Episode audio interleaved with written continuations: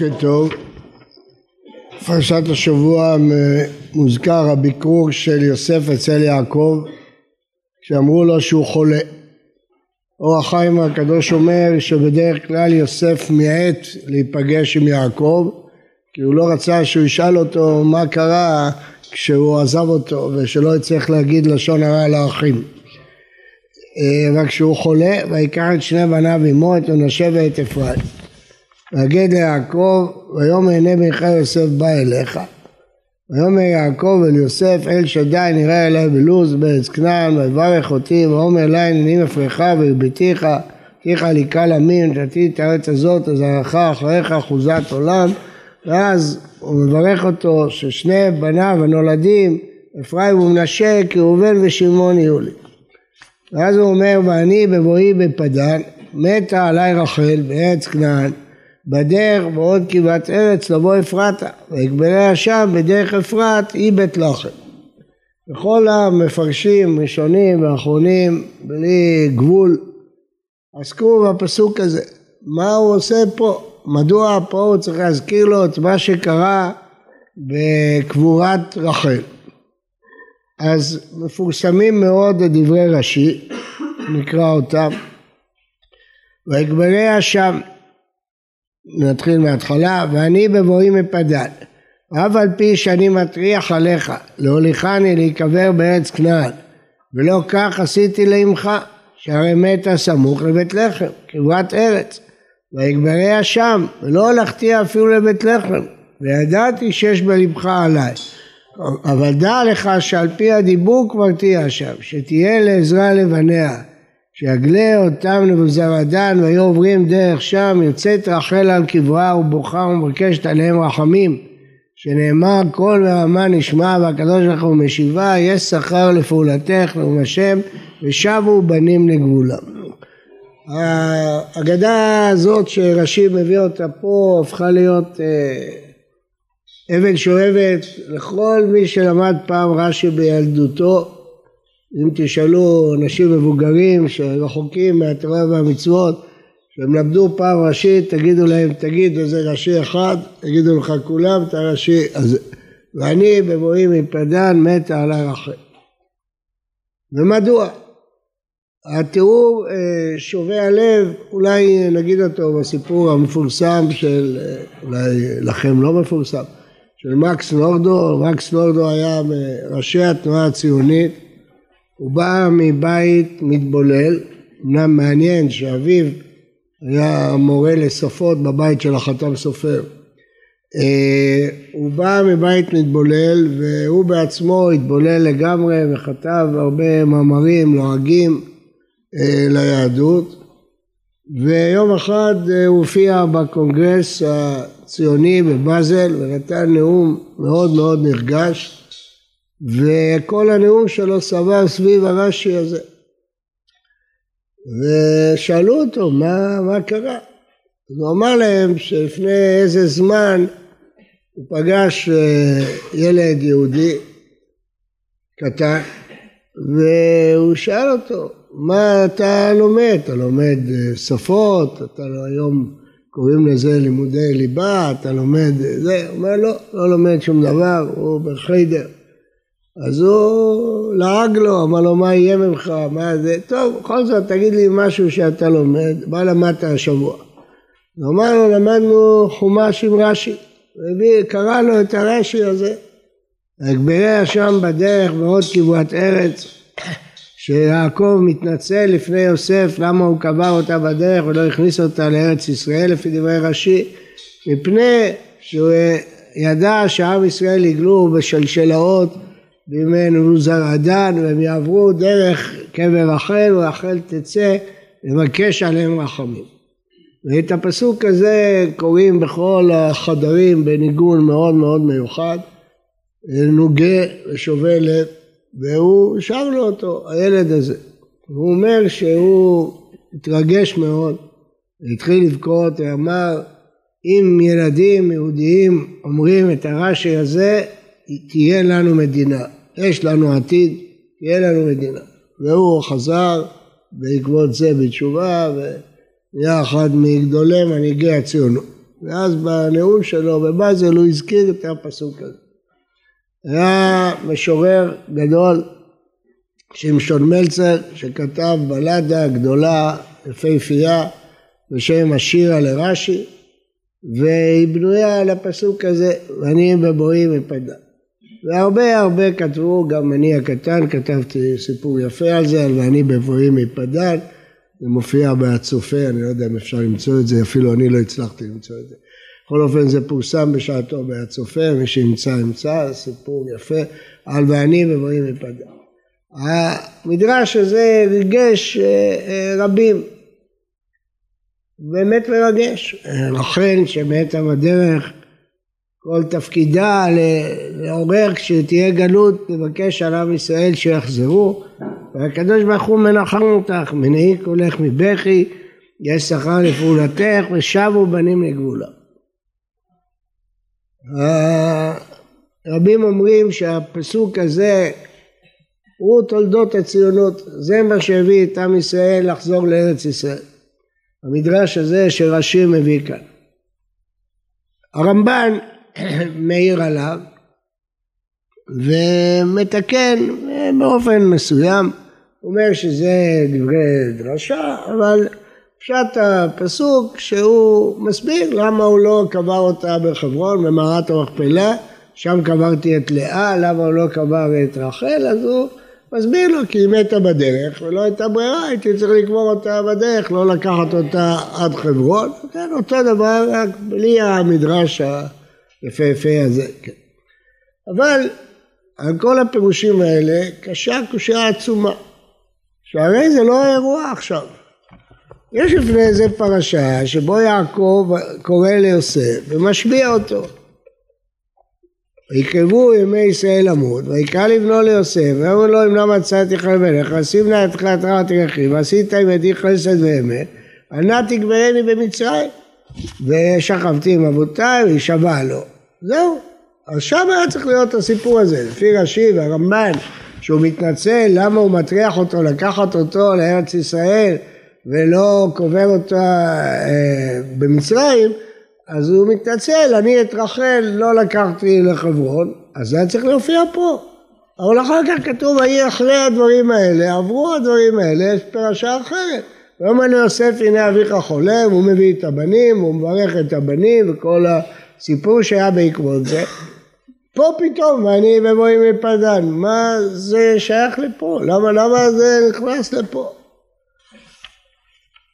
ולכן נראה מאוד הפירוש של האור החיים, פירוש נפלא, שהוא אומר כך, שהרי יוסף מברך את הבנים שהם יהיו כמו השבטים, מנשה ואפרים, כי ראובן ושמעון יהיו לי, מה, מה פתאום? השבטים הם בניו של יעקב, איך הוא יכול לצרף שני נכדים לשבטים? מה פתאום הוא מצרף שני נכדים להיותם מתוך 12 שבטי יה? אז הוא מסביר, יעקב מסביר, אל שדי נראה אליו בלוז בארץ כלל ויברך אותי, המפגש המפורסם בבית אל עם המלאך ואחר כך הקדוש ברוך הוא נראה אליו ואומר אליי הנני מפריך והרביתיך ונתתיך לקהל עמים. ונתתי את הארץ הזאת זה אחריך אחוזת עולם. אומר הקדוש ברוך הוא הבטיח לי שהוא יפרה אותי וירבה אותי ויוציא ממני קהל עמים.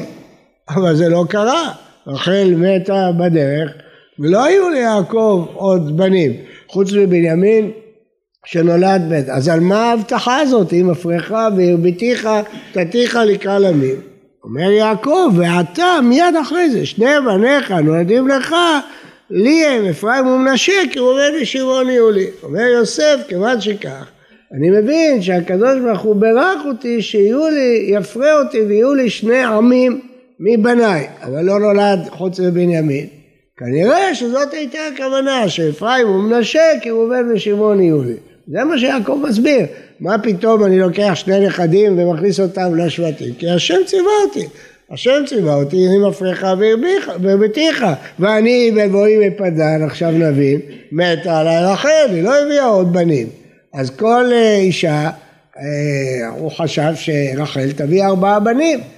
הביאה יוסף ובנימין, הוא חשב שהיא תביא ארבעה בנים, כי יש 12 שבטים וארבע נשים, אז כל אישה לפחות ארבעה בנים, אז הוא הבין את הנבואה שרחל צריכה ללדת לו עוד שני בנים, חוץ מיוסף ובנימין.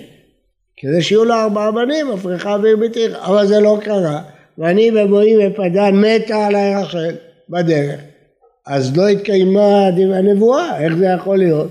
וזה הבנתי שהנבואה לא התכוונה ליוסף ובנימין ועוד בנים שתלד רחל, כאילו, אולי היו מתוכננת ללדת בנים, אבל כתוצאה מסיבות מסוימות היא מתה, לפי הרמב"ן, כיוון שיעקב שמר את התורה בארץ ישראל, ואי אפשר שיהיה לו שתי אחיות, ורחל היא האישה השנייה, לכן היא מתה בכניסה לארץ, כך מסביר הרמב"ן. בכל אופן, לאיזה צורך היא מתה, וכיוון שהיא מתה, אי אפשר לקיים שיהיו לה ארבעה בנים. לכן אומר יעקב, אני לוקח, כנראה שכוונת הנבואה הייתה שאפרים ומנשה שהם בניה של רחל, הבנים של יוסף, גם הם הצטרפו לשבטים, וזהו הנני אפרים וביתר. עכשיו כל הפסוקים מתיישבים יפה מאוד, למה זה נמצא פה? לא קשור לקבועה. זה נמצא פה כיוון שפה הוא הולך לברך את שני הבנים שיהיו מהשבטים, אז הוא שואל איך אני יכול לעשות את זה. הוא אומר תדע כי הקדוש ברוך הוא הבטיח לי שיהיו לי עוד בנים וזה לא קרה כי רחל מתה. אז אני מבין שכל אימא צריכה לפחות ארבעה כי יש ארבע נשים ושנים עשר שבטים אז כיוון שהיא לא ילדה עוד שני בנים כנראה ששני הנכדים שלה יחשבו בין השבטים. אז כל הפסוקים אה, מתיישבים אה, יפה. אז הנה אה, מנשה ואפרים מצטרפים לשבטים יעקב כידוע מקדים את אפרים לפני מנשה ויוסף אה, מקפיד על זה, אבל יעקב עומד על דעתו והתורה לא מסבירה למה. התורה לא מסבירה למה אה, אפרים זכה לפני מנשה. אנחנו יודעים שאצל יעקב ועשו נהייתה מזה מהומה גדולה והתורה מעריכה מאוד בדיבור, מכירת הבכורה, אחר כך יצחק, למה פה באפרים ומנשה, שמנשה הוא הבכור, התורה לא טורחת להסביר למה יעקב העדיף את אפרים על מנשה. לא כתוב, לא כתוב שום טעם. כתוב איפה זה התקיים וזה שיהושע היה מאפרים. אבל מה הסיבה? מה הסיבה? לא, לא כתובה בתורה. אבל אם נעיין בשמות האלה, מנשה ואפרים, מה טיבה? אז יוסף מסביר את זה בעצמו. אפרים כי הפרני אלוהים בארץ עוני. הוא מודה לקדוש ברוך הוא שהוא נתן לו פריון והצלחה בארץ עוני. אבל מנשה, מה הסיבה שהוא קורא לו מנשה? אז הפסוק אומר כי נשני אלוהים, למה לי? ואת כל בית אבי. מה הפירוש? נשני לשון שכחה. השכיח לי את עמלי ואת בית אבי. מה, יוסף רוצה לשכוח את אה, ביתו של יעקב אבינו? הרי החכמים אומרים שדמות דיוקנו של יעקב נראתה לו, כמו שהסברנו לפני כמה שנים, אז איך, איך יכול להיות? שהוא אומר נשני ועל שם בנו הבכור הוא קורא על שם השכחה הזאת, כי נשני אלוהים. אז מפרשי הלשון מסבירים כולם שצריכים לקרוא את זה ככה, כי נשני אלוהים את כל עמלי ואת כל עמל בית אבי, לא את בית אבי, אלא את עמל בית אבי, כלומר זה, קוראים לזה מושך אחריו. זה מושך גם אחריו את כל עמלי ואת כל עמל בית אבי, כלומר את כל הצרות שסבלתי בבית אבא, הקדוש ברוך הוא השכיח אותי. מה פירוש הדבר? מה, מה כתוב כאן? שיוסף קורא לבן הבכור שלו מנשה. לדבר הזה יש חשיבות עצומה ולכן אני רוצה לציין את זה כאן. מה בעצם אומר יוסף? יש שתי אפשרויות. אדם שעובר טראומה כזאת, שהאחים שלו רוצים להרוג אותו על לא עוול בכפו, משליכים אותו לבור, מוכרים אותו לעבד במצרים, גם שם משליכים אותו לבור. אדם כזה יכול לחיות כל חייו בטראומה, שהוא לא משתחרר ממנה. יכול להיות משותק, יכול להיות לא פעיל, כל הזמן חושב על הצרות שכולם בגדו בו, אולי גם אביו, הוא לא יודע מה עם אביו, הוא יודע שאחיו בגדו בו, הוא יודע שגם פה בבית האסורים כביכול הקדוש ברוך הוא אה, זו תורה וזו שכרה, הוא עמד בניסיון ומשליכים אותו לבית הסוהר, הוא מרגיש בודד, גלמוד, לבד. אדם כזה, בפרט לפי המחשבות הדורות שלנו, יכול להרגיש שהוא בטראומה נוראה, זהו, הוא לא, לא יכול לחזור לחיים. אבל יוסף לא נהג ככה. יוסף לא רק שהמשיך את החיים שלו, אלא פיתח את החיים שלו. הפך להיות לאדם גדול, למנהיג, לא רק למצרים, גם לעם ישראל. מה פירוש הדבר? נשני אלוהים. יש שלב שצריך גם שכחה. גם השכחה היא מתנה. צור ילדך תשי. תשי זה שכחה. השכחה היא מתנה, גזרה על המת שישתכח מן הלב. בוודאי שבאופן הגיוני, איך אדם יכול לשכוח? אבא, אימא, אחים, שנפטרו, אנשים כל כך קרובים אליו, זה יכול ללוות אותו כל החיים, איך הוא יכול לשכוח? אומרים חז"ל, כן, הוא ישכח. אחרי שנה של אבלות הוא ישכח. איך יכול להיות? גזירה על המת שישתכח מן הלב. מה פירוש הגזירה הזאת? זה שאדם ימשיך לחיות. אי אפשר שאדם יחיה רק בזיכרון המתים כל חייו ויהיה משותק, לא יפעל כלום, לא יעשה כלום, יהיה באבלות, יתאבל כל הימים. לא, זה רע על המת, שישתכח ויתעלם. אומרת הגמרא, ככה אמרו חכמים, שלושה לבכי, שבעה לאבל, שלושים למספד, שנה לאבלות. וזהו, אחרי זה חוזרים לחיים. לא ממשיכים את האבלות כל החיים. אדם לא חי בטראומה של זיכרון כל חייו. זה לא נכון. זה לא פעולה נכונה. צור ילכת תשי, קרא על המת שישתכח הלב. אומר יוסף שהוא רוצה לקרוא לבן הבכור שלו על שם הדבר הזה, על שם השכחה, שהקדוש ברוך הוא ברא בעולם דבר גדול, שמאפשר לאדם לשכוח את הטראומות שלו, להתחיל חיים חדשים, להתנער מזה. רשאי, ודאי שהוא לא שוכח, אף אחד לא שוכח אף פעם, אבל שזה לא משתק אותו, נשני אלוהים. הקדוש ברוך הוא נתן לי אפשרות להתחיל חיים חדשים במצרים ואת כל בית אבי, כן, הוא, הוא מודה להשם שהוא אפשר לו לשכוח מה שהיה כי מה שהיה היה דבר נורא ואיום שהאחים שלו בוגדים בו ורוצים להרוג אותו, מה יכול להיות יותר נורא מזה? ונשני, השכיח את זה הקדוש ברוך הוא ונתן לי להמשיך לחיות, נתן לי כוחות של חיים, לבנות, לעשות, במילים אחרות. אלמלא מנשה לא היה אפרים מה זה אפרים? אפרים היא אלוהים בארץ עוניים. אלמלא היה מנשה, אלמלא התכונה הזאת לשכוח את הצרות, לא היה אפרים, לא היה אה, פריון.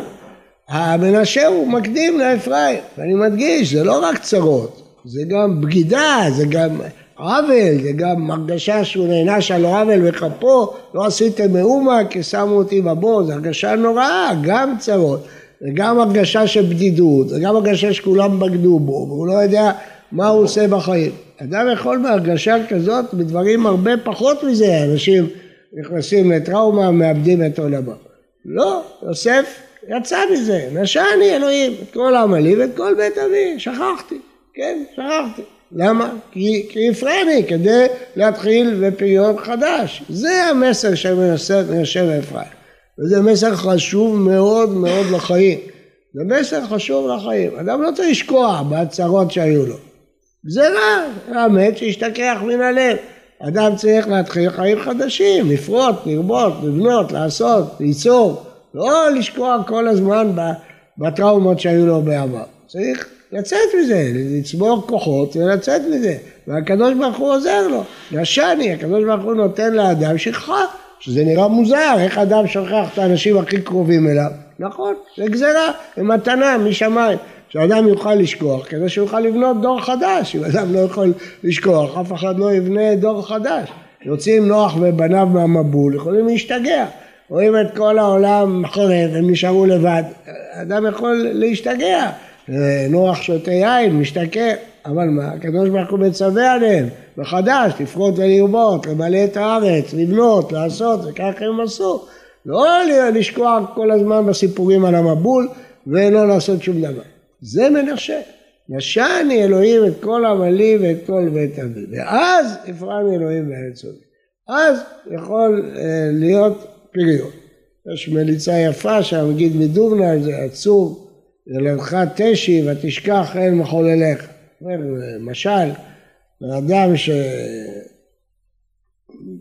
תלה שלט על החנות שלו שהוא יועץ, נותן עצות, על כל עצה צריך לשלם לו סכום מסוים. ואדם אחד בא אליו, אמר לו אתה יועץ? כן. הוא אומר לו מה, מה העצה? אז הוא אומר לו מה הבעיה? הבעיה שאני חייב לאנשים הרבה כסף ואני לא יודע מה לעשות, תן לי עצה. ולא אני אתן לך עצה, כשיבוא אליך הנושה אני לא שכחתי, אני לא יודע כלום, לא זוכר כלום, כל העבר נשכח לי, אני לא זוכר שום דבר. מה אני אוכל לעשות? לא, שום דבר. אמר לו, זו עצה טובה מאוד. הוא הולך לצאת, הוא אומר לו, מה אתה יוצא? תשלם לי, יש לו 500 שקל, המחיר של העצה. אומר לו, שכחתי בכלל, לא יודע מי אתה, לא יודע מה אמרת לי, אני לא יודע כלום. שכחתי. הוא אומר לו, אני לימדתי איתך את העצה הזאת בשביל שתשתמש בה נגדי? אומר המגיד מדובנה, זהו, צור ילדך תשי. הקדוש ברוך הוא ברא בך את השכחה כדי שתשכח את הצרות. ותשכח אל מחולליך, אתה שוכח את הקדוש ברוך הוא, הוא נתן לך את העצה הזאת כדי שתשכח את הצרות שלך, לא בשביל שתשכח אותו. צור ילדך תשי, נתן לך את הכושר של השכחה, אבל את הקדוש ברוך הוא צריך כל הזמן לזכור, ותשכח אל מחולליך, אתה משתמש בזה נגד מי שנתן לך את העצה, זאת אומרת שהעצה הזאת, הגזירה הזאת של השכחה היא עצה טובה. הקדוש ברוך הוא לא ברא דבר לבטלה. אנחנו כועסים כשאנחנו שוכחים את הגמרא שאנחנו לומדים עשר פעמים ושוכחים ושוכחים ושוכחים. זה כואב לנו. אבל מצד שני, השכחה היא מתנה טובה. אם אדם היה זוכר את כל הבעיות שלו, את כל הצרות שלו, את כל ה... איך הוא היה, לא יכול לעשות שום דבר. לכן הוא קרא לראשון מנשה, ולשני אפרים. אולי, אני לא... רוצה לקבוע מסמרות, כי התורה לא גילתה, או חכמים לא גילו. אולי זאת הסיבה שיעקב העדיף את אפרים על מנשה, כי סוף סוף המטרה היא הפרני אלוהים בארץ עוני, ולא נשני את כל עמלי. אבל יוסף הבין שבלי הנשני הוא לא היה מגיע לאפרני. הנשני הוא הבסיס של האפרני אלוהים בארץ עוני. ושני הדברים האלה של ואני בבואים מפדת שקיבל רשות למנות עוד שניים לשבטים ובתוך השבטים, מנשה ואפרים, באים ללמד אותנו את היכולת הזו, את הכוח הזה של האדם שעבר, מי עובר מה שעבר יוסף הצדיק, שעבר את כל התהומות של הבגידה שאפשר להעלות על הדעת, ובכל זאת הוא הצליח לפרן אלוהים בארץ עוני, בזכות הכוחות של הנשני שהקדוש ברוך הוא נתן לאדם. שבת שלום וברך.